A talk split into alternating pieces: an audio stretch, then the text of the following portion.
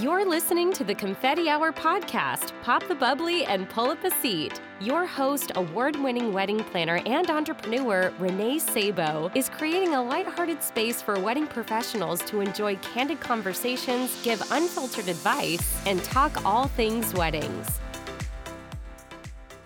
Welcome to this week's episode of the Confetti Hour podcast. I'm your host, Renee Sabo, and I am so jazzed about this week's episode. I have a very dear industry friend and fellow podcaster, fellow educator, fellow planner on the podcast today. And it's honestly a pinch me moment because I am so honored to have her here. I'm sitting down with Megan Gillikin of the Planner's Vault, Weddings for Real, and a Southern Soiree. Megan Gillikin is a veteran wedding planner, podcast host, and international speaker dedicated to making life easier for her fellow wedding pros. Her love for mentoring blossomed from her tumultuous entrepreneurship journey. In 2010, Megan purchased her planning business, a Southern Soiree, and revived the struggling brand into one of North Carolina's most sought after firms, serving a luxury clientele. Between her own experiences and hearing other stories firsthand as the host of Weddings for Real podcast, Megan now offers new wedding planners an easier way to grow their businesses through her education and community membership, The Planner's Vault. She has captivated audiences with her warm, personable style as a speaker at events like Wedding MBA, Catersource, WIPA, NACE, and many others. You can find Megan online at theplannersvault.com, weddingsforreal.com, and a southernsoiree.com. You guys, we are going to dive in to this amazing episode. But first, you're going to hear all about Megan's very, very interesting journey. And you will also be hearing her tips on boundaries in business, tips and strategies from a recovering people pleaser. You're in for one great episode. So without further ado, please help me welcome Megan. Hi, Megan. Renee, I'm so excited to chat with you. Thank you so much for having me on the show. Oh my gosh. Thank you for being here. I'm so giddy. This is the highlight of my month. I'm so happy you're here. Same. If I could talk about uh, boundaries for wedding pros all day long, I could. I mean, yeah. that's my new passion. I feel you are going to be my therapist today. I apologize in advance, but I need this topic more than anything lately. So it's 100%. I'm here for you. I'm here for yeah. you. and I know that we're not alone. Like I know other vendors are feeling it this year in this like, you know, 2021 season. So I'm I'm excited. But before we actually dive into the topic, I just want to hear about you. I'm like you have such a fascinating journey and a very inspiring one to me. So I'm excited for you to share a little bit of like how did you get into this crazy world of weddings, the industry, your podcast? I mean all the things. Like where to even start? yeah, yeah. Well, we're OGs at this point, Renee. Um, right. but I uh, I got my start. So I actually wanted to be a pastry chef in high school, and I think before that there was like four other careers that I told my parents that I wanted to be, and they were like, "Wow, she's all over the place." So they encouraged me to find a hospitality program, and I found one here in North Carolina. I went to school for hospitality management, which is rare often that you see people working in an industry that um, they actually have a degree in. I mean, my boss, when I worked for Marriott Hotels, was a criminal justice major, so you see it all over the place. But wow. I started with um, Marriott Hotels right out of school, spent about four to five years working my way through different, very non glamorous positions from the front desk to banquet operations. And back in 2010, I got married myself and found myself feeling that maybe it was time to look at what the next step of the event industry side might look like. And I reached out to a local planner here in North Carolina heard back from her, went on what I thought was a job interview. So I was dressed professional. I had my resume, I had reference letters from clients. And I remember sitting in the Starbucks right outside of the hotel where I was working at the time and waiting like five minutes, 10 minutes, 15 minutes until she came in, sat down next to me, took her sunglasses off, looked me in the eyes, and said, I'm burned out. I am not looking to hire. I'm looking to find someone to take over the weddings that I have on the books for later this year and next year. I'm getting married myself. I'm moving up to DC in a few months and I don't have anyone to cover these weddings. Um, holy crap, that's a lot to take in. It was, it was. I remember that sinking feeling because I was working in a corporate job and I had a good paycheck and I had just gotten married and I I tend to um, shy away from big decisions and business choices like that. So I remember going home to my husband of about three weeks, truly, at that point, and saying, gosh, she wasn't looking to hire. She's looking for someone to take over her business. And that's not where I'm at right now in my career, maybe five years from now. I don't know. And my husband, Jason, everyone needs a Jason in their life. Uh, Jason was mm-hmm. like, no, you are meant to do this. You let's take out a small business loan. I want to, I want to make this happen for you. And this is where you're meant to be. And the what an angel. Yeah he's he's a cheerleader for sure um yeah. even 11 years later still so much for me but um yeah I, I took i took a leap of faith. I did take out a small business loan. I left my full-time job with marriott and the rest is a bumpy, uh, curvy history of being an entrepreneur, a wedding planner in this industry that I know you love and I love, but it has it has its hard parts too and i think we're going to talk a little bit about that today yeah, I think the one thing I just was instantly drawn to you and your podcast, and and we had other connections that said, "I can't believe you and Megan haven't met yet." Yeah, like I know it's so wild. Uh, I think we're drawn because we don't shy away from talking about both the highs and the lows, which I appreciate because I think you know I was just it was funny before I got on. Poor Megan, I was late for our episode because I had a dentist appointment that ran over, and the girl, I wonder if it ran over because she's so they're always so fascinated about our jobs like, Always. oh my gosh, you're a wedding planner. I'm like, how is that on my notes at the dentist? Like, literally, she's like, I have a note here that says you're a wedding planner. I'm like, oh boy. Yeah. I'm like, oh, she's like, I would love to get into weddings. that is the canned response. I mean, I honestly, Everyone. I have learned that at, at this point, I change what I do and I just say, like, I do business consulting because once anyone hears that you're a wedding planner and they're not in the wedding oh, industry, oh my gosh. Yeah. Yeah. Literally. So, I mean, luckily, you know, it's a dentist, so I can't like talk much, which is the only time in my life that I would ever not be able to talk. Most people know that. Um, but she, it was just so fascinating again to just hear the outside world because, like, my community right now is just all people struggling through this time period of being in the wedding industry, I would say this is like everyone's hardest year. I, I don't know anyone. We Agreed. thought last year was hard. This has been even harder. Um, but there is just this like magic about the wedding industry, and people are very um, fascinated by us. And so it, it wasn't I was trying my hardest to continue to be positive and just say, you know, how rewarding it is because those are true. But I mean, it's just really interesting how people really have no idea just how hard it is to work in this industry. So um, to loop it back to your journey though, I'm like that when you saying I had windy roads and like ups and downs, I'm like, I can only imagine, but that's also what's led you to start helping our community, right? So yeah, tell me a little bit about that too. Yeah, the the journey of taking over a business of what I thought it would be in my mind versus the reality of it was very very different. So the business that I purchased in my mid 20s with my small business loan, I didn't know. I had never purchased anything of that you know, magnitude before at all. I didn't know the questions to ask. I didn't know the vetting to do. And in reality, the business um, was in a really hard spot. It had been removed from pretty much any venue preferred planner list. There were stories throughout the industry of unprofessionalism from the original planner.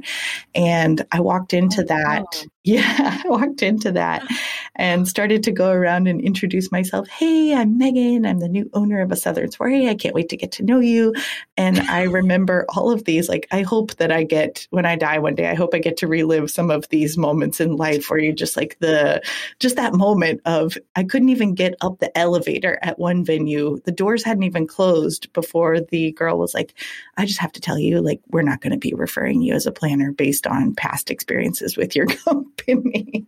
oh my gosh. And that's um, so tough to walk into because you had nothing to do with those past experiences. I didn't. And I also was trying to navigate the idea of uh, the fact that now I own this company and the only way that I pay my bills is with bringing in business and clients.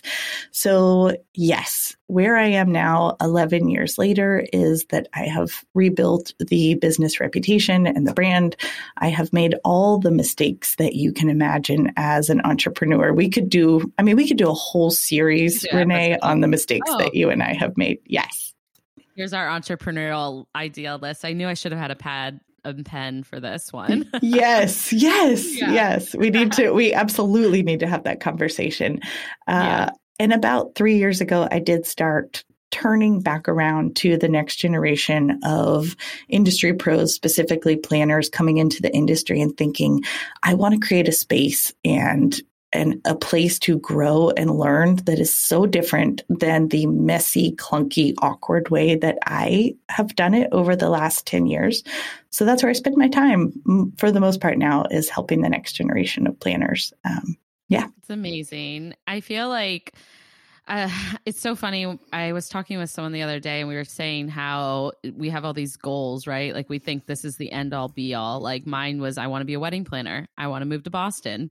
And I'm like, well, now that I did both of those things, like what is the next step? And I'm finding that these it's more of an evolution of your career and your journey than rather like an end goal type mm-hmm. of situation and well first of all you should just be so proud of everything you've done for a southern soiree to rebuild the brand and ha- i'm sure you have many years of happy couples which is incredible um, but i i agree it's really rewarding to be able to give back a little and help this next generation of planners and professionals because yes um, there wasn't that type of help when I started as well. I, I, did have my business mentors that I worked for, like I worked for other planners, and thank goodness for them. But that was so smart that you did that. Yeah. yeah. But I also didn't, like you, I didn't really. We have a picture in our head what it's going to be like to own a business and it had nothing to do with me providing my planning service actually like that has always been something i feel very confident about uh, sure we learn things along the way as always with every wedding's a unique project in itself but the business side i definitely there are just so many things that is you just don't know until you learn them. It's yeah. it's a wild ride. So I with you have made so many mistakes. I wish I could I always say I wish I could go back, but then I guess I don't because they also shape you into who you are today. But 100%. Yeah. Yeah, yeah. We could um, have a whole episode on mistakes. yeah, I love to reflect on those. I think two of my favorite episodes that I've done on Weddings for Real are like my five biggest business mistakes and then yeah. 10 lessons learned in 10 years. So, you absolutely, if you haven't done an episode like that, you totally need to. I know. See, I'm always inspired. I do need to do that. I need to take a moment after to get this season to reflect on all the moments I've learned this year. It's yes. big year of learning. So, and I feel like, so before we move on to the topic, um, kind of chat with us about how you came to start Weddings for Real. I mean, obviously you started coming into the space of helping our community, but um, how did the podcast get started? so the podcast got started because after you work with so many different personalities, personality types, and you find yourself um, in so many different situations and helping couples bring to life this vision that there's a lot of weight and expectations that fall on it. You obviously have some great stories, uh, which is why I love on your podcast that you do the confession section. It's amazing. and my husband for years has said, You have to write a book. You have to write a book. You have all these crazy stories. And I kept telling him, You can't write a book about crazy stories while you are still actively running a business right. and working with couples. So we decided to start a podcast just for fun to have conversations like this with other industry pros and share the messy, the behind the scenes, the funny, the relatable. And that started back in April of 2018.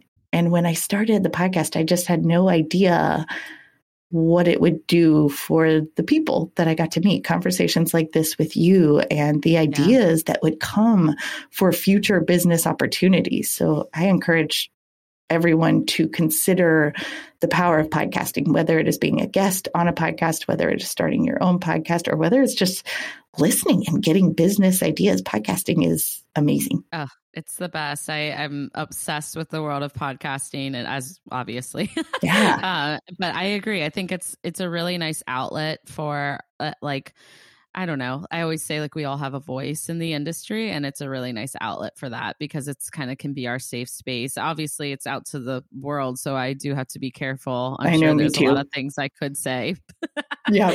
but at the end of the day it's nice because I never um I like blogging and I think it's kind of it's just a lot to be typing all the time and like, you know, elegantly writing and I feel like podcasting can feel a little more casual in a way like it's a conversation so it's really enjoyable but um well i love your podcast i listen weekly and Thank i can't wait to come on it soon but I, I feel like it I agree with you about meeting people. It, it opens up doors of opportunity that I would never have imagined either. Just like even just meeting you, Megan, I'm like I'm just so grateful for it because I we never probably would have met otherwise. So I so agree. Yeah, these are the friendships that I did not know would come from podcasting. So I love it. Love being here. Yeah.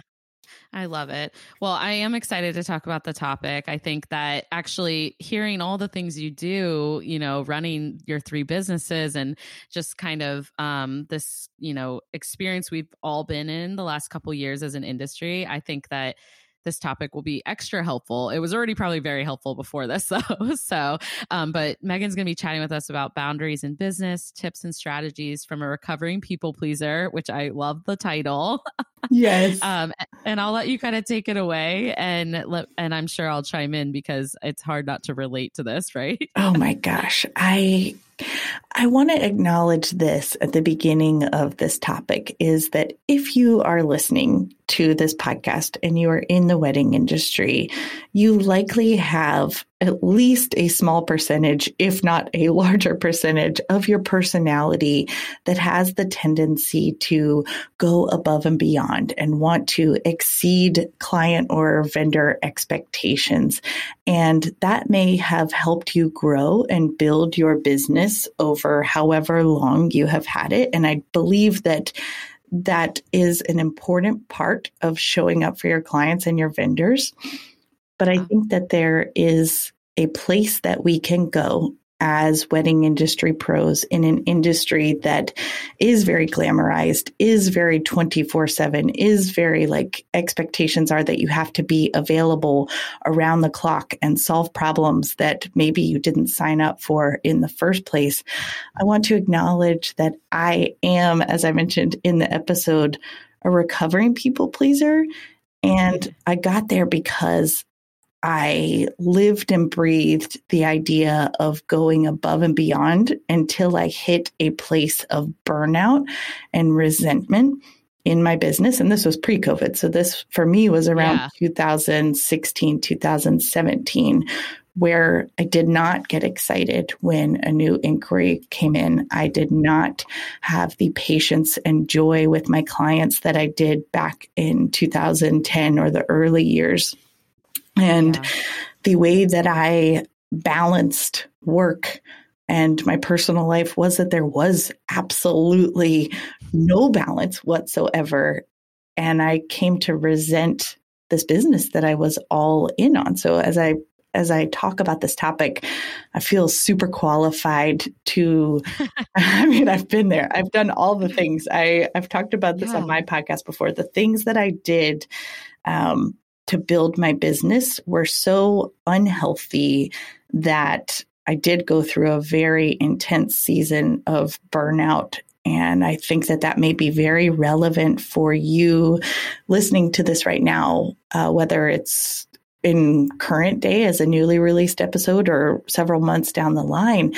Burnout from what we've had to experience as wedding pros over the last 18 months plus I think there's a lot of pros that are probably feeling that way. And Renee, I know you and I talked about this. Like you're you you've been there too, right? Yeah. Yeah. It's like how um much do I show the world that it's this is happening because obviously we care about our clients and I don't want them to feel bad. But this has been one I never thought this was going to be my hardest year in business, but it absolutely is. I'm I'm be, beyond, I'm sitting here beyond burnt out right now, Mhm. honestly, Megan. I but I also know we talked we talked a little bit before we hopped on about how some of us are feeling like forced to be burnt out and that's a feeling that it almost just it hurts to be honest like um, it's emotional Mhm. and i never wanted a business like this and so um but i have actually experienced burn um, burnout and like those blurring of boundaries previous to the pandemic as well. And that's why I worked really hard to scale and figure out what my worth was. And I know those are terms thrown around a lot and that's a loaded thing, but I mm-hmm. really did do the hard work and encouraging people to do that regardless of what we're going through this year because before the pandemic, I had a I really loved every time I got a lead. I mm-hmm. I was mm-hmm. excited about all the projects that and I still am excited. I think it's hard when you feel the pressure of the deadlines and the volume of what we have to achieve and then on top of it we're dealing with other issues, right? Supply chain issues, staffing issues, like all these things this year. So, I think where I'm going with this relating to you Megan is that it's it can happen in any season of your business. And I think that you have to constantly be ready to recognize that it's coming on or that it's happening and be ready to pretty much fight it, like mm-hmm. combat it. Because I saw this spiral, right, coming down the road. As soon as we started postponing clients, I got really nervous. I was trying to do the right thing. I, I still feel proud of you know being able to stand by my clients but do i regret not charging more, doing things to make this more sustainable. Absolutely. And, you know, we'll take these hard lessons this mm-hmm. season of burnout and I will never allow this to happen to my business again. And it's what all we can do, you know? Right. So. I hope that someone that is listening to this right now hears two wedding planners that have been doing this for quite some time, right? Yeah. and neither of us are claiming in this episode that we have it all figured out or that we've achieved complete success and perfection and balance. But I think what I love that you said, Renee, is the fact that what you have to do in a season of burnout or starting to feel that boundaries have been crossed and that yeah. you're not loving the way your relationships are, whether it's with your clients or with other wedding pros, is you have to stop recognize that this is not a place that you can stay and then start yeah. to figure out what that plan looks like to move out of that current state. What I see unfortunately happen instead of that is that you just keep uh, repeating the same violations. Right. Like you keep putting yourself in the same scenario over and over again.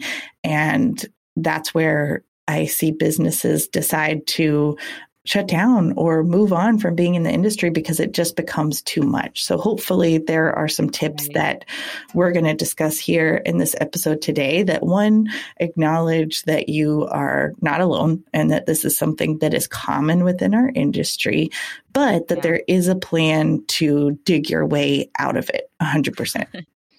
I love it. I'm so excited. And that analogy of digging, mm-hmm. digging out of a hole, I can relate to. And um, I just I can say that until you face it head on, right, you're never going to get out of it. And so I'm excited to hear your tips. Though, yeah, I'm let's like do it. writing over here. Let's, let's do, do, it. it. well, one thing I want to um, acknowledge as a wedding planner, whether you're a wedding planner or another industry pro in the industry, is that uh, we are often hired for a bulleted list of service offerings that we are supposed to complete as their wedding planner, but there are so many things that tend to come up that fall outside of the description of our job, right? I know specifically yeah. for us as planners, we're hired to plan and execute this beautiful wedding day. But what is not listed on that bulleted list of service offerings is that we're also going to be a mediator. We're going to have to put on our therapist hat. We're going to have to be a secret keeper. We're going to be providing legal counsel, especially in 2020, which I was oh absolutely not qualified to do, right? None of us were, right? yeah. Um, we're their new best friend, we're their financial advisor. We are so many things that we didn't sign up for oftentimes times as a wedding pro. And I think it's important to acknowledge in all of that that we are just one person. We are human. We are imperfect and we only have so many hours in a day. And how yeah. you show up and how you um, set the tone with the relationship with your clients is a huge, huge part of it because you either have boundaries mm-hmm. and you hold your client to those boundaries from the beginning, or you have boundaries and you quickly let those boundaries get crossed or you have no boundaries at all. So you have to figure out like, where are you right now in your business?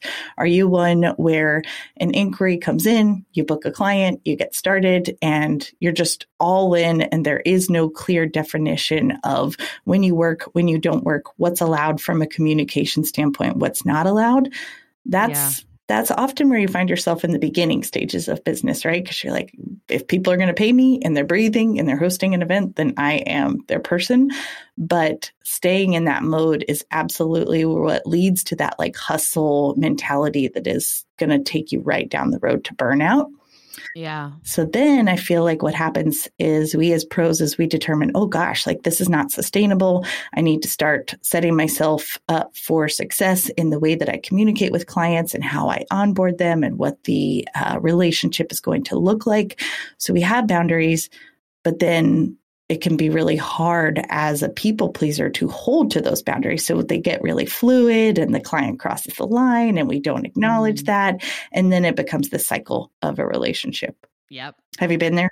Oh, yeah. I mean, it's so difficult too because the more we get to know them, of course, we love them. And, mm-hmm. you know, I definitely have that mentality that I'll do anything for my clients. And so, oh, they need a 7 p.m. call on a Monday, but they're telling me on Sunday, mm. which I wouldn't reply to, right? Because I'm not technically in the office. But yeah. these days, it's hard with the boundaries because everyone knows that you see an email on your phone. Um, mm-hmm. Um, and it is about that conditioning at the beginning, but then also feeling comfortable enough to remind them of what your boundaries are because I don't think a lot of people are remembering what we discussed at the beginning of planning. No, so. and I don't think it's actually fair for us to expect them to remember it. So no. there's a lot of talk and and I will be happy to like some of my tips relate to clauses that you may want to consider in your contract at the time that you are onboarding right. a client or the fact that I believe every single wedding pro should have some sort of digital welcome guide that they are sharing with their client at the time that they're booking. But it's also not fair for us as wedding pros to expect that someone signs a contract, gets a PDF or a link to a welcome guide, and is supposed to remember all of the rules and stipulations yes. that we have for working over a 12 to 18 month period of time. Exactly. It's- yes. So I I think that that is one of my main points is yes, you have to have a solid onboarding process with your clients and you have to set them up to easily be able be able to understand what it looks like to work with you. But you do need to understand that just because you share those things at the beginning of the relationship, they cannot be expected to remember it throughout the duration of working with you. So I see a lot of wedding pros getting frustrated yes. and saying, well, I, I put in my contract that, um, I won't do appointments on nights and weekends, but the client keeps asking me for them. Well, that's on you. Like that's that's on you to continue to remind them. Yeah, you yeah. have to remind them in a gentle and clear and kind way. And that's something else I want to bring to light is that having boundaries in business doesn't mean that you are mean or rude or not willing to show up for your clients and deliver on the services in a way that is going to lead to a beautiful event. But boundaries can be clear and they can be kind and mm-hmm. they are going to make it so that at the end of the relationship with each client, they feel um, happy. You are happy and you still love what you do instead of being a tired, burned out, uh, resentful version of yourself, which is where I was. Yeah. Oh, it's such good advice. And I feel like, I mean, I'm excited to hear what else, what other tips yeah. you have before us. But I definitely think that the reminding of people, I think our clients actually welcome it and, and they don't mind that we remind them that oh you know we don't typically do office hours mm-hmm. after you know 6 p.m occasionally like for me for my services i usually work one weekend in the off season a month but those appointments get scheduled right pretty far in advance. So i try to remind them that if you do want to snag that saturday like hour to catch up um, i need to know like a month in advance because a lot of people want that saturday yeah so, yeah. yeah and i think they appreciate the reminders and just saying like oh okay well she thought to remind me so i could get that check in next month you mm-hmm. know but whatever that looks like for your business, of course. Um, I know that we have a lot of pros that listen who are dealing with more volume based businesses like mm-hmm. entertainment companies, uh, stationers. I, I mean, bless all your hearts. I don't know how you deal with the volume that you do, but until you start to work in these like the onboarding and reminders throughout it, it's going to eat you alive i feel like. It's so true and so let's let's dive in. I would love to share some of the uh, clauses or onboarding processes that I feel have helped me come out of that like intense people pleaser mode.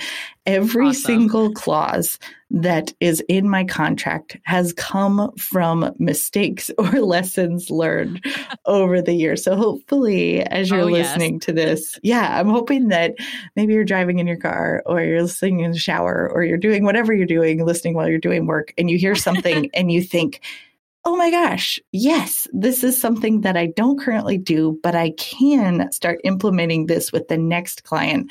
And it's going to make a difference in how I show up in my business. So let's do it.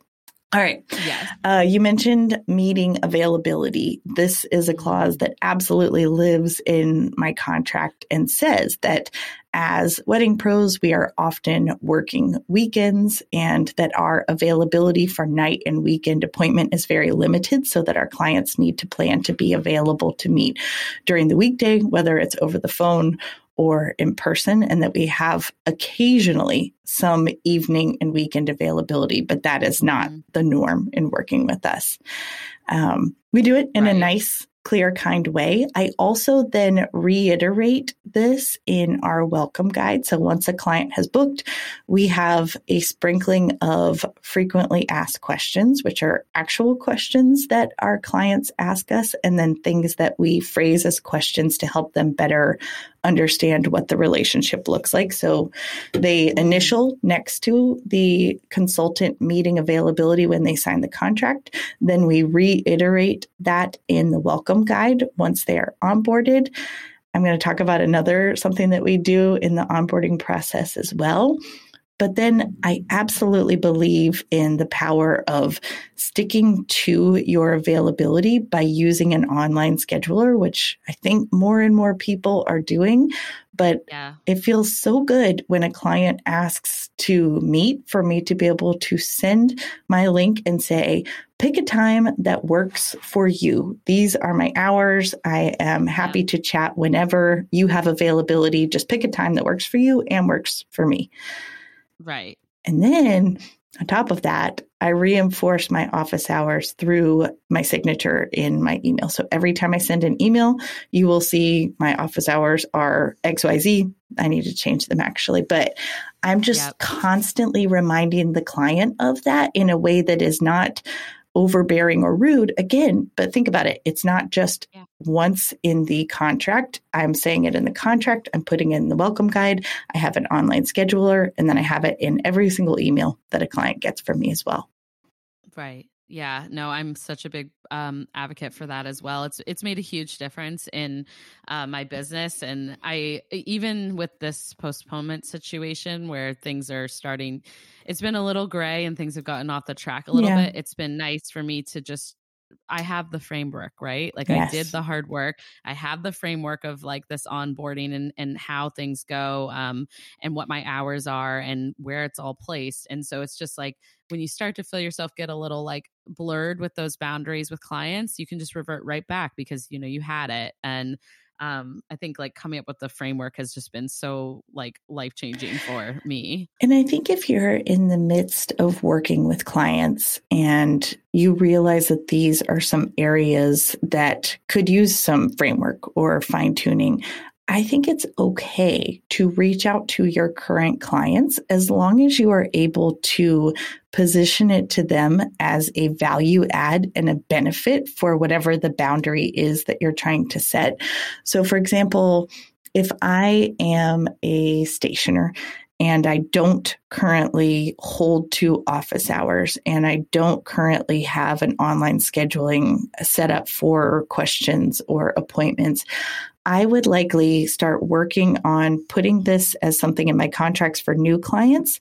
I would put together a client guide and send it to my current clients and say, Hey, this is something that I've been working on for quite some time. I want to share this with you as it's going to help answer some questions that you may have about where we are in the process and what's left to do.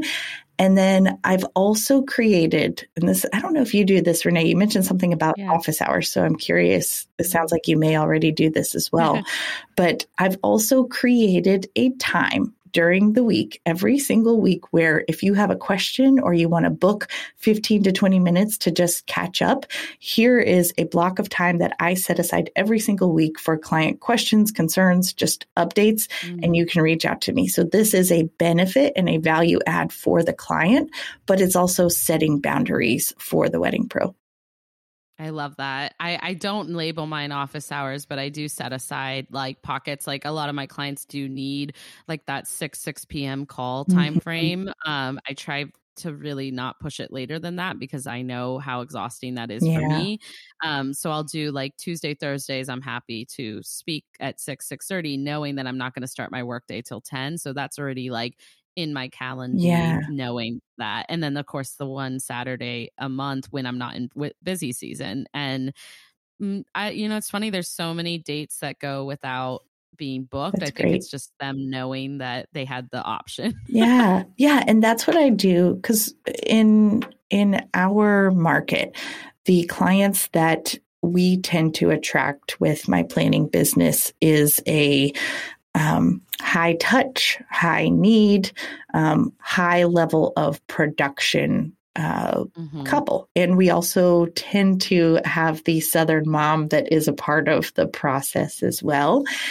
Oh, and oh, yeah. So I like to create a time on my calendar. It's a standing two hours every single week. And all of my existing clients have access to that link that they get in the onboarding process.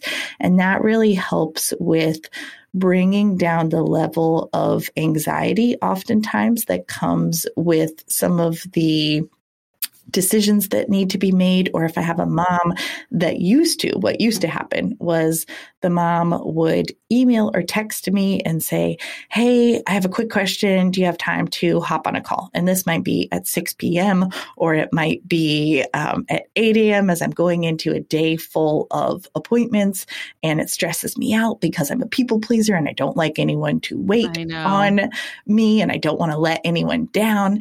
And so I would mess up my whole flow of my day to hop on a call with this person.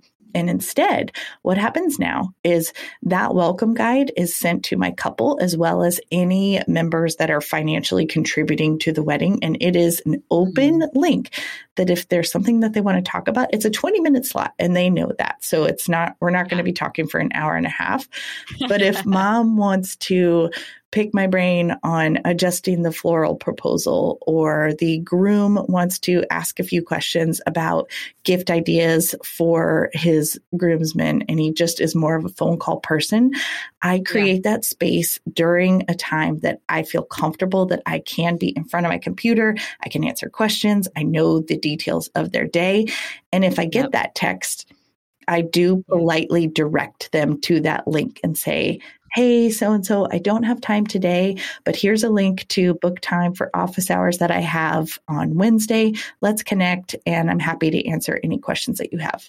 Was that mean? I, no, I love that. Yeah, it was. I need to do better about that, actually. Yes. I get that stress too when I see that text. I'm like, oh my gosh, I have to be available today, you know? And you don't. Um, you don't. No, I, I I say this a lot on my podcast. I'm sure I'll bring it up when we do our episode on yours. But um, my biggest pet peeve as an entrepreneur is that for some reason everyone else's to do list becomes our to do list, mm-hmm. um, and that's something that your tips I think can help so much with. Like it may be on their minds that that's on their to do list today to check off, but is that what really needs to happen for the overall like scope of the project or like the wedding or is that what is the most crucial thing on your to-do list to get done that day mm-hmm. and the mm-hmm. likely answer is no and so it's unfortunate that they waited until that day to have an immediate call that they apparently need but mm-hmm. it these things are not urgent unless i'm sorry but unless it's the week of the wedding i try to let everyone kind of mellow out there with their sense of urgency. Like no no one's dying here and we need to just be able to continue to do our jobs and it's hard to do that you know when these urgent requests for phone calls are coming up so i love that you redirect them back to your like phone yes. link you're like i you want to make sure they're getting their answers um as well but mm-hmm. Is it urgently need to be done at 8 a.m that day i don't i don't know no I don't, so. I, don't think so either and i think um when i have these conversations with other wedding pros they they have that just I feel that people pleaser side coming out because they say, ah, I don't know. I wouldn't want to make them wait several days. I wouldn't want to potentially let them down. And my answer to that is exactly what you said, Renee. It's that yeah. a lack, there's a saying, and I won't, I will probably butcher this, but it goes something along the lines of lack of planning on your part does not constitute an emergency on my part. And yes, Yes. So that is how I have tried to calm down my inner people pleaser and say you will create space for them to ask these questions and it is okay but it has to be mm-hmm. within a time frame that you are in the headspace and you are ready and capable of answering these questions for them so maybe if this is something exactly. that you're trickling into maybe you do what Renee does. And you, you have a link set up for a two hour window of time in the evenings once a week. And then you pick one weekend a month where you create space for that, or you have a Tuesday, Thursday situation. So it's not just one day a week, but yeah. This has been game changing for how I communicate with my clients. And it was something that I learned the hard way for sure. Yes and I think I'm relearning it the hard way. I had all these boundaries, and the pandemic brought a level of emotion that kind of blurred the mm-hmm. boundaries for a lot of us because it is a unique situation. Yeah. And let me acknowledge that too, because I definitely, right. in the middle of 2020, when I have moms crying and we're postponing a wedding for the third time, I absolutely was not saying, if you could just pick a time on Wednesday, we could chat. I mean, at one point I did have to do that, Megan, because it was they're all coming. Yes, they're all concerned. At some point, every single client of mine yes. is concerned about the their level their wedding because of COVID. Of course, they are. Yes. You know, but yes, um, you know, bless my therapist's heart. She mm-hmm. like really pounded this into me. She's like, at the end of the day, this is business to you. Um, I know you care, and they know you care, but I what was happening is I was just taking these calls left and right, trying mm-hmm. to make sure they felt comforted, but it was depleting me emotionally oh and physically. Gosh. I wasn't i'm still not really have an appetite from the stress and like it's just not okay you know like how everyone always says like how can you serve clients if you you aren't serving yourself mm-hmm. and it's mm-hmm. so true with burnout like that's you really start to see how bad it can get um and so even though we want to be the hero all the time for our clients the I think it's re I think it's like explaining to them that the way you're going to be the hero is not necessarily by this sense of urgency it's taking the time to be calm collected creatively work through um, the problem have solutions and you can't do that overnight there's no way no. you can do that no. so they as long as they know you have it under control and that you're ready to connect when you're ready mm-hmm. um, I think that was something I definitely have relearned the hard way. It's like I've already, I feel like I've lived a life before the pandemic, and now I'm in a new life. But yeah.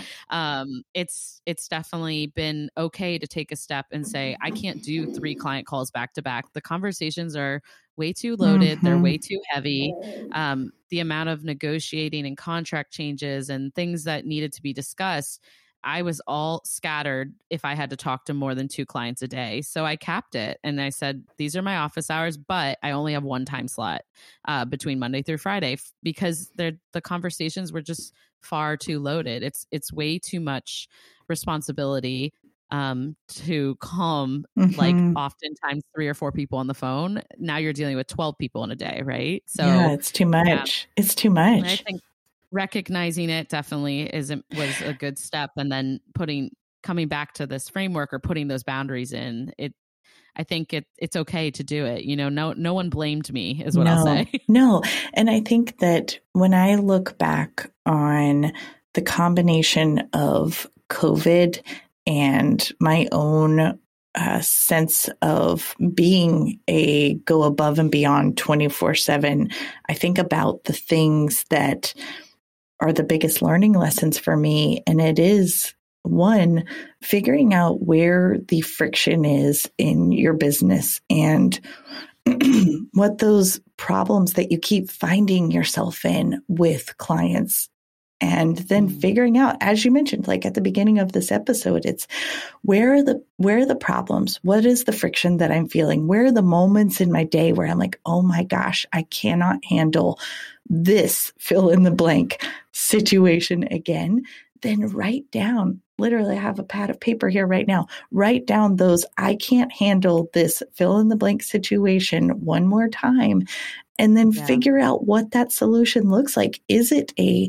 clause in your contract? Is it updating or creating a welcome guide? Is it creating office hours? Is it finding time to step away from your business, whether it is one night a week or half a day, one day a week. I mean, I understand that COVID is has made us have to show up in the number of hours that we're committing to our business and mm. the level of just emotional toll that we're taking on from all of this.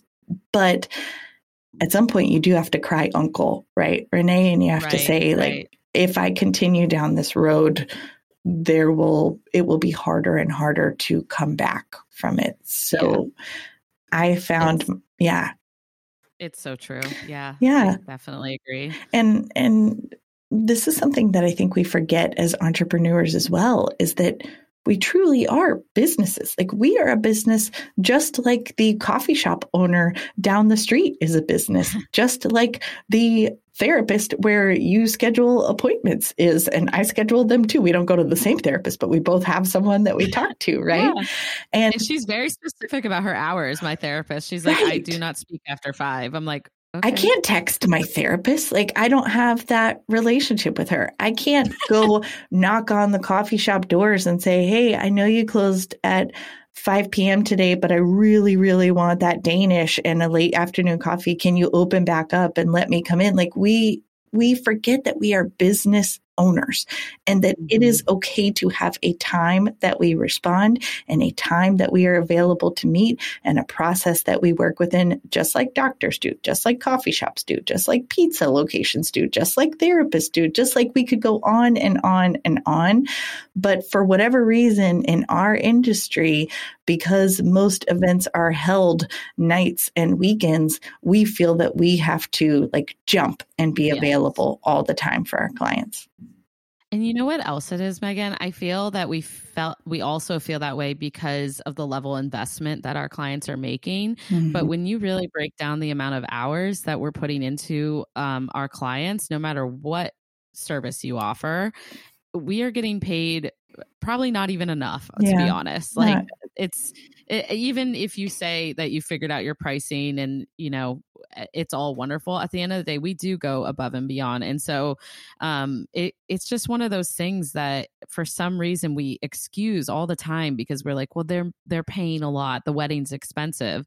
Well i pay a lot for other services in my life and i still don't call you know like our contractor to on off hours unless right. it's something that they called me for you know? So i yeah i love the analogy of like just because we're a business that produces like you know personal like experiences and it's an investment that doesn't mean that we shouldn't be respected for our business hours and um, be treated like business owners like eh, like true businesses not like you know freelancers right you know? but and i will even freelancers deserve that yeah 100% and i would put it back on us as industry pros is you mm-hmm. have to show up like a business so right where what i did for several years is I think I showed up more like an over eager personal assistant to my clients.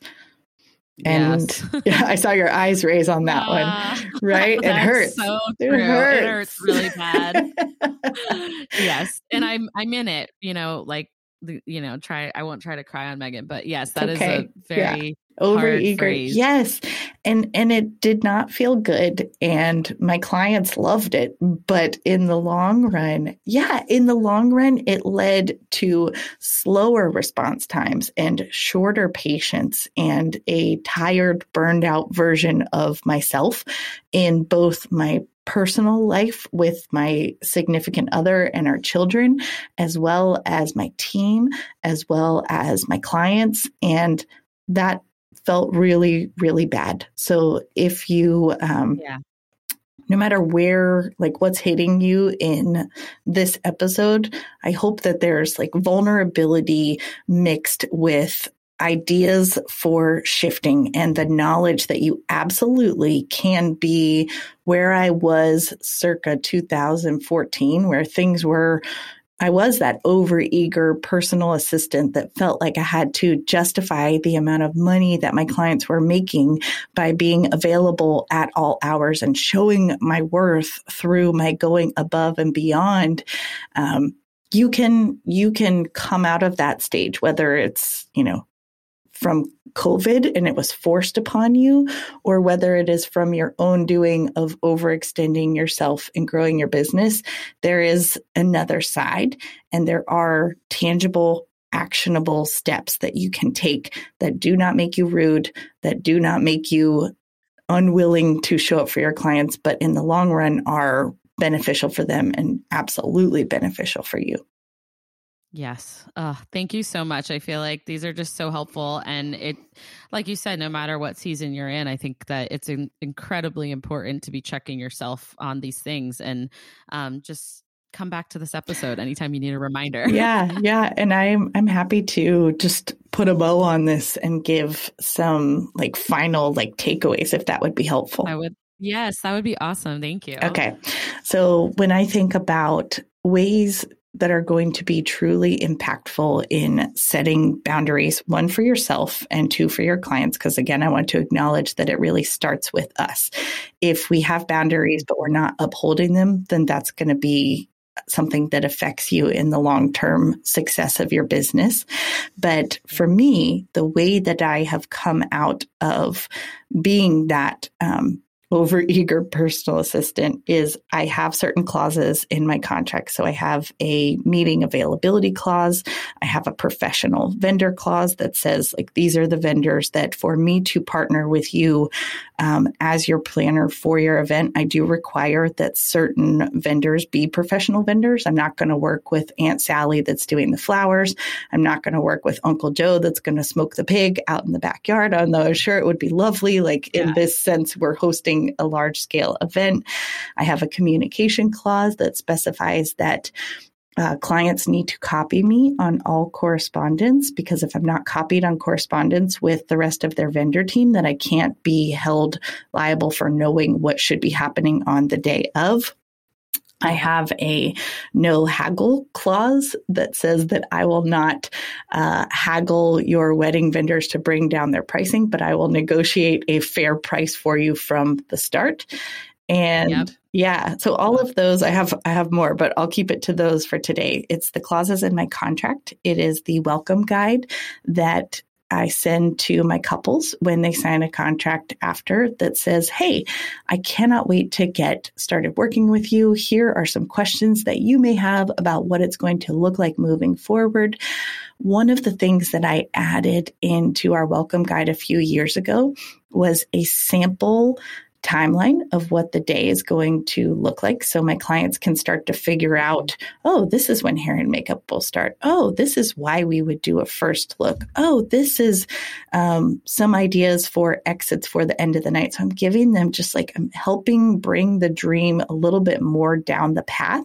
And i'm also saving myself from some of those questions that will build with anxiety in their mind, but I'm answering them before they've had the opportunity to feel that stress.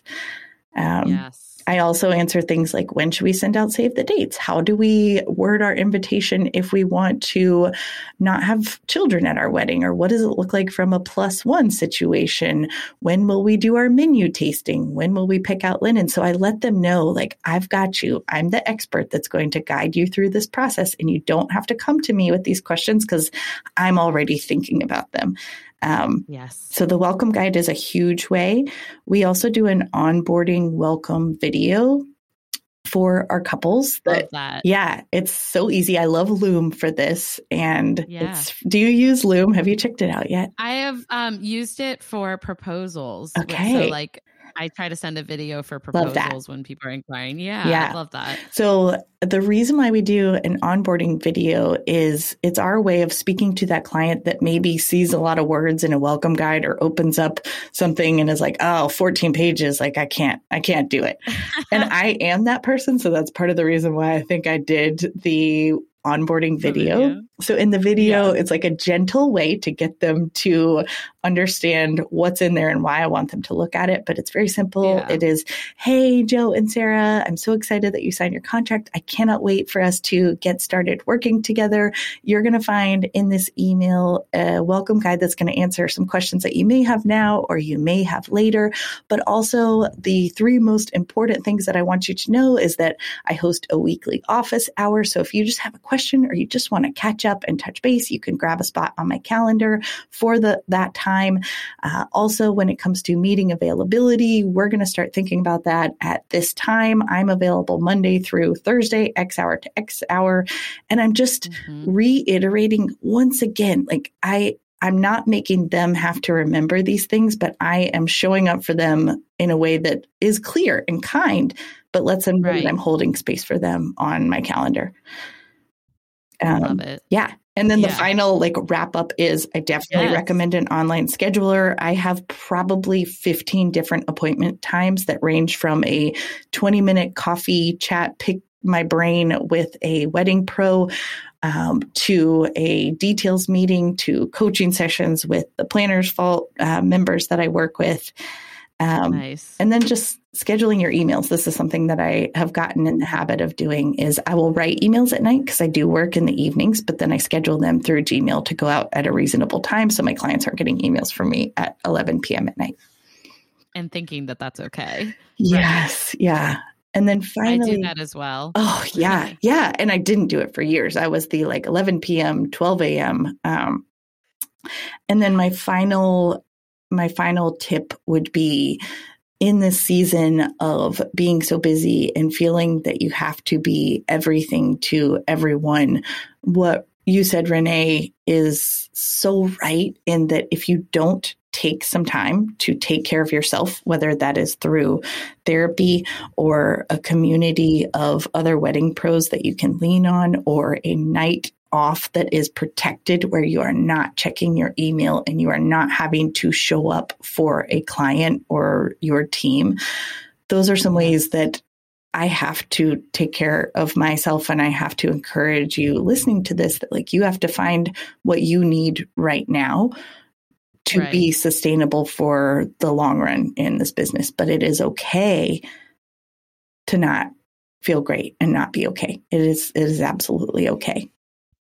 Yeah, no, these are so helpful. I cannot thank you enough because I feel like a lot of them are just just tried and true tips that should ha- be in general for you know business owners. I would say even people working for um, that aren't entrepreneurs that work for companies. Mm-hmm. Like you know, when I worked at a hotel, it was incredibly important that I figured out my own boundaries with like seeing doing site tours mm-hmm. sales calls all that um, working in this industry people are going to push you and that is never going to change they're always going to push you for outside because they think of their wedding as a um, something outside of their work hours, right? Right. to them, that is. And that's okay as long as they understand that they can work on their wedding at those hours, but doesn't necessarily mean that we're working on their weddings after those hours. And they just, I think a lot of the frustrations that come with clients is when they don't understand what to expect. Mm-hmm. And that has to start at the beginning. It has to be consistent. And I think all of the tips that you gave um, really help the whole process be like full circle for them. And um, everyone's expectations are clear and they you just have a better relationship because they can respect you and you can feel respected and and of course you're going to continue to go above and beyond as well on your end so yeah. yeah And i love that and it's okay to reset. So I don't want you to listen to this and think, well, I'm so deep into it right now that I can't I can't dig my way out with my current client base. You can. Yeah. I'll just go back to the idea that you have to position it as how it's going to help your client. So whether it's starting that weekly office hours or sending out an updated welcome guide and just say, Hey, I know life is really busy right now and you have a lot going on. So I did put together this helpful guide with some questions for you. And I'm also rolling out a weekly office hours to create space to answer any questions that you have. You don't have to have a reason if you just want to book a time with me, grab a slot at any time. So that can right. be for existing clients that you are struggling right now with boundaries for sure. But it's also, of course, important for new clients onboarding them. Yeah, definitely. Oh, such good tips. Yeah. Well, I definitely want to have time to ask you my next, okay, you know, let's last do couple questions because I can't wait to hear what you're going to say. But, um, and I mean, you can answer this. You know, what what do you wish other vendors knew, or it could be what do you wish other creatives knew. Mm. Um, but I'm excited to hear because I'm sure you have something. I'm sure you have many actually in your mind. But yeah, I wrote down like four, but I'm only going to share one. Um, okay, perfect. I would say what I wish other creatives knew is that if you are trying to network and interact with other uh, business owners, the very worst way to do that, and the way that will get no response for the most part, is by sending a cold email that says, Hey, I just wanted to tell you about my wedding caricature business and send along or portfolio to you of work. I hope we get the opportunity to work together soon. That yeah, I, am laughing because it's like I have a hundred of those in my right? inbox. Okay, so. that's what the, that's what is confusing me about the whole situation is that we know this, right? Like we know that this yeah. is not the way to network and grow your business. Yet it is something I have a hundred of them too. I mean, I ha- I have I get them every single week from every vendor category that you can imagine in the form of Instagram DMs, emails, uh. voicemails, Facebook messages that are like, Hey, I'm this band booking agency and I hope that you'll send clients my way. Here's a link. I want people to stop doing this. So that's what I want wedding vendors to know is that there is not just wedding vendors, but creatives in general, small business owners that you have to deposit coins in the bank of a relationship in the form of supporting that business, whether it's following them on social media, writing a review of having worked with them before or visited that property. Um, whether it is just sending a supportive email with no ask at all and just letting them know, hey, I see your business. You're doing great work. I don't need anything from you. I just wanted to acknowledge that uh, yeah. I, I look at you as someone that I respect within the industry.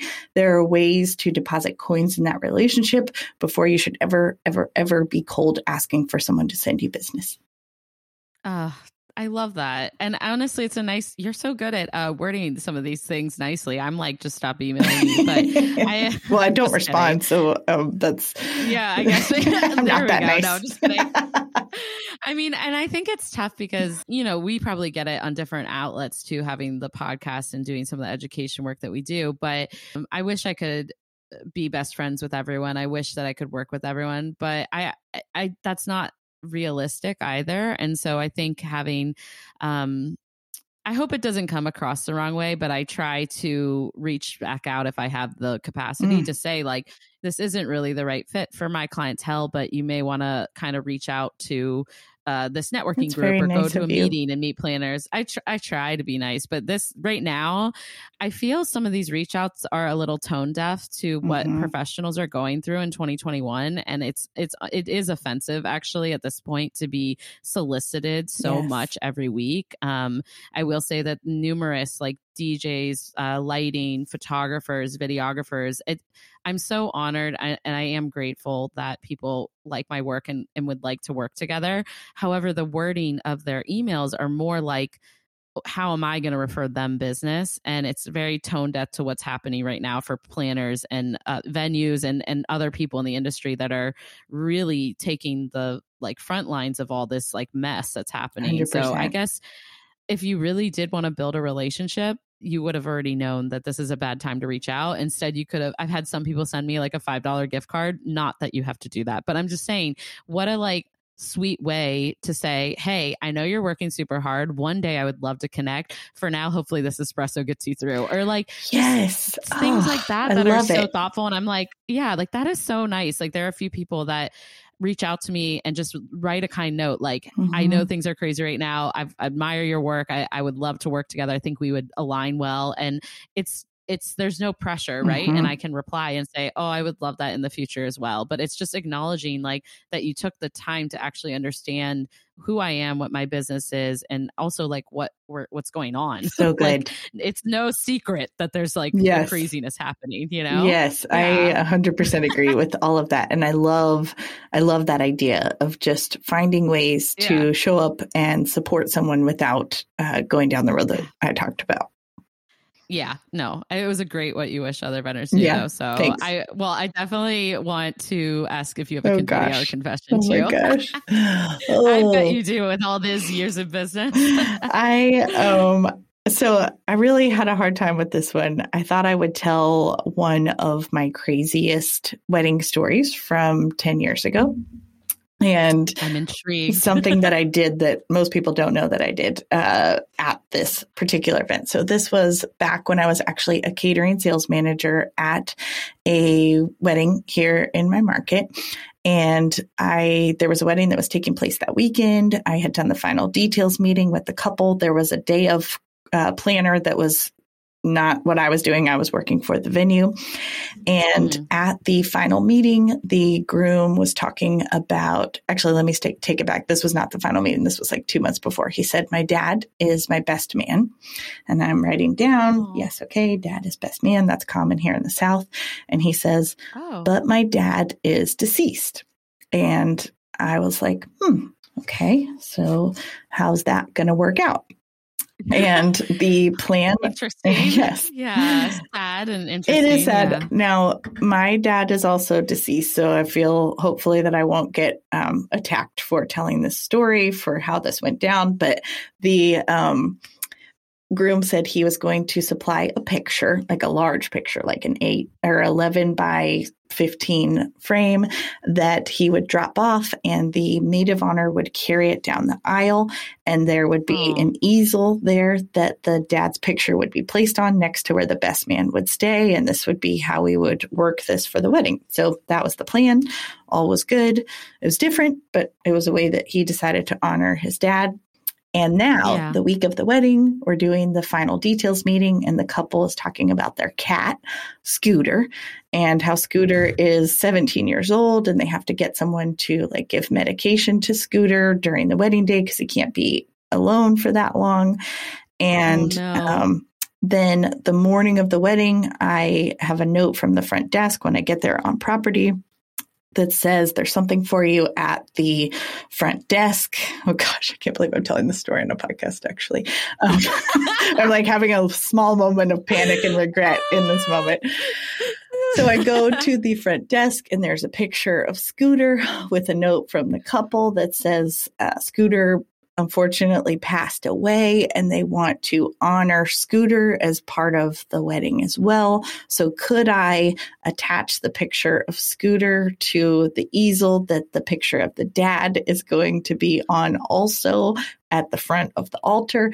And um, this was how that's like impossible. Yeah, but it was I mean, very interesting. Um, and the picture of the cat was just like this, like old cat sitting in a chair, like looking a little annoyed. But anyway, this is my confession. Depressing. This oh, is my confession: yeah. is that in the back aisle of the hotel, I'm still getting a little hot thinking about telling the story on your podcast right now. But oh in the God. back aisle of the hotel, I'm walking around with this cat picture, which is like an eight by 10, smaller than the picture of the dad. And I'm holding it up over my face and I'm saying to the banquet staff, I'm like, I'll have the tuna oh no. I know. Luckily, no one found out. But um, it is one of those things that like I think back on like strange things that happen at weddings and I I have images of this wedding where the picture of the dad is on the easel, the cat, I've fixed the picture underneath it, and then there's like the bride and the groom. And it was just oh my gosh. Strange. It was just strange. That is um also a hilarious confession because sometimes we just have to make light of certain I just situations. Thought it was so funny. And- it was so funny to me, but also someone's beloved pet. So hopefully I won't um, get too much flack for that. Backlash for it. I like cats. I'm fine with cats. I, yeah, but that's a unique uh, way to like to have them up at the old. I don't know. There's a lot. Yeah, there, I'll text so. you the picture afterwards so you can see it. Don't put it in the show. Notes. I really, yeah, I will. Not. I feel that that was a good connection, or I mean, a good confession, because I feel like there's a lot that happens where sometimes I'm on site and I'm like, we just see it all, and you can't say like, anything about things. it. Yeah. No, yeah. no. But you're like, I want to be respectful, but I'm just scratching my head a little bit. Very interesting. Yes. Yes. Yeah. So yeah, there's the confession. Yeah. That is that's hilarious, and I love you. if you regret it, I'll take it Hashtag out. cat hater. yeah, I know. Here comes the haters I know, already. I know. I'm just kidding. Oh, there's probably been many things that I've done that I can't even like recall right now because I'm on the spot. But yeah. I just yeah, I mean, it's just um the weirdest things happen. It there's really no job like this. no. Yeah, it's never a boring day, that's for sure. Never. Oh my gosh. I loved having you on the podcast. I know we ran like a little longer, but the tips were just so good. So I hope um, everyone loved hearing like from Megan, getting to know you better. I know that I did. Um, and so before I let you go though, where can everyone find you, find the Planners Vault, find, you know, Weddings for Real yeah. podcast and, you know, a Southern Soiree, all, all, the, things, things, all the things. All the things. Well, thank you so much for having me. I love this conversation. I just felt like I was talking to a friend and we could be real and we could be vulnerable vulnerable. So thank you for that. And if you would yeah. like to connect, you can find me on Instagram at Weddings for Real. That's the podcast. If you are a wedding planner looking for a community and education, you can check out my membership, which is the Planners Vault at theplannersvault.com, or you can find me on Instagram there at Planners Vault. And a Southern Soiree is my pretty polished wedding brand where we're not talking about uh, cats on easels, but you can you can check that out at at a Southern Soiree. Ah, I love you. This has been wonderful. Thank you so so much again. Thank you, Renee. It was it was a blast. And that concludes this week's episode of the Confetti Hour podcast. You guys, isn't Megan just the best? I am so grateful for her coming on the podcast, sharing so much raw, vulnerable wisdom that I feel we all really needed to hear right now. So, you guys have to go check out her podcast. It's incredible. It's called Weddings for Real, like she mentioned. And if you're a planner, go check out the Planner's Vault or check out her work over at A Southern Soiree. I'll link all this down below as always.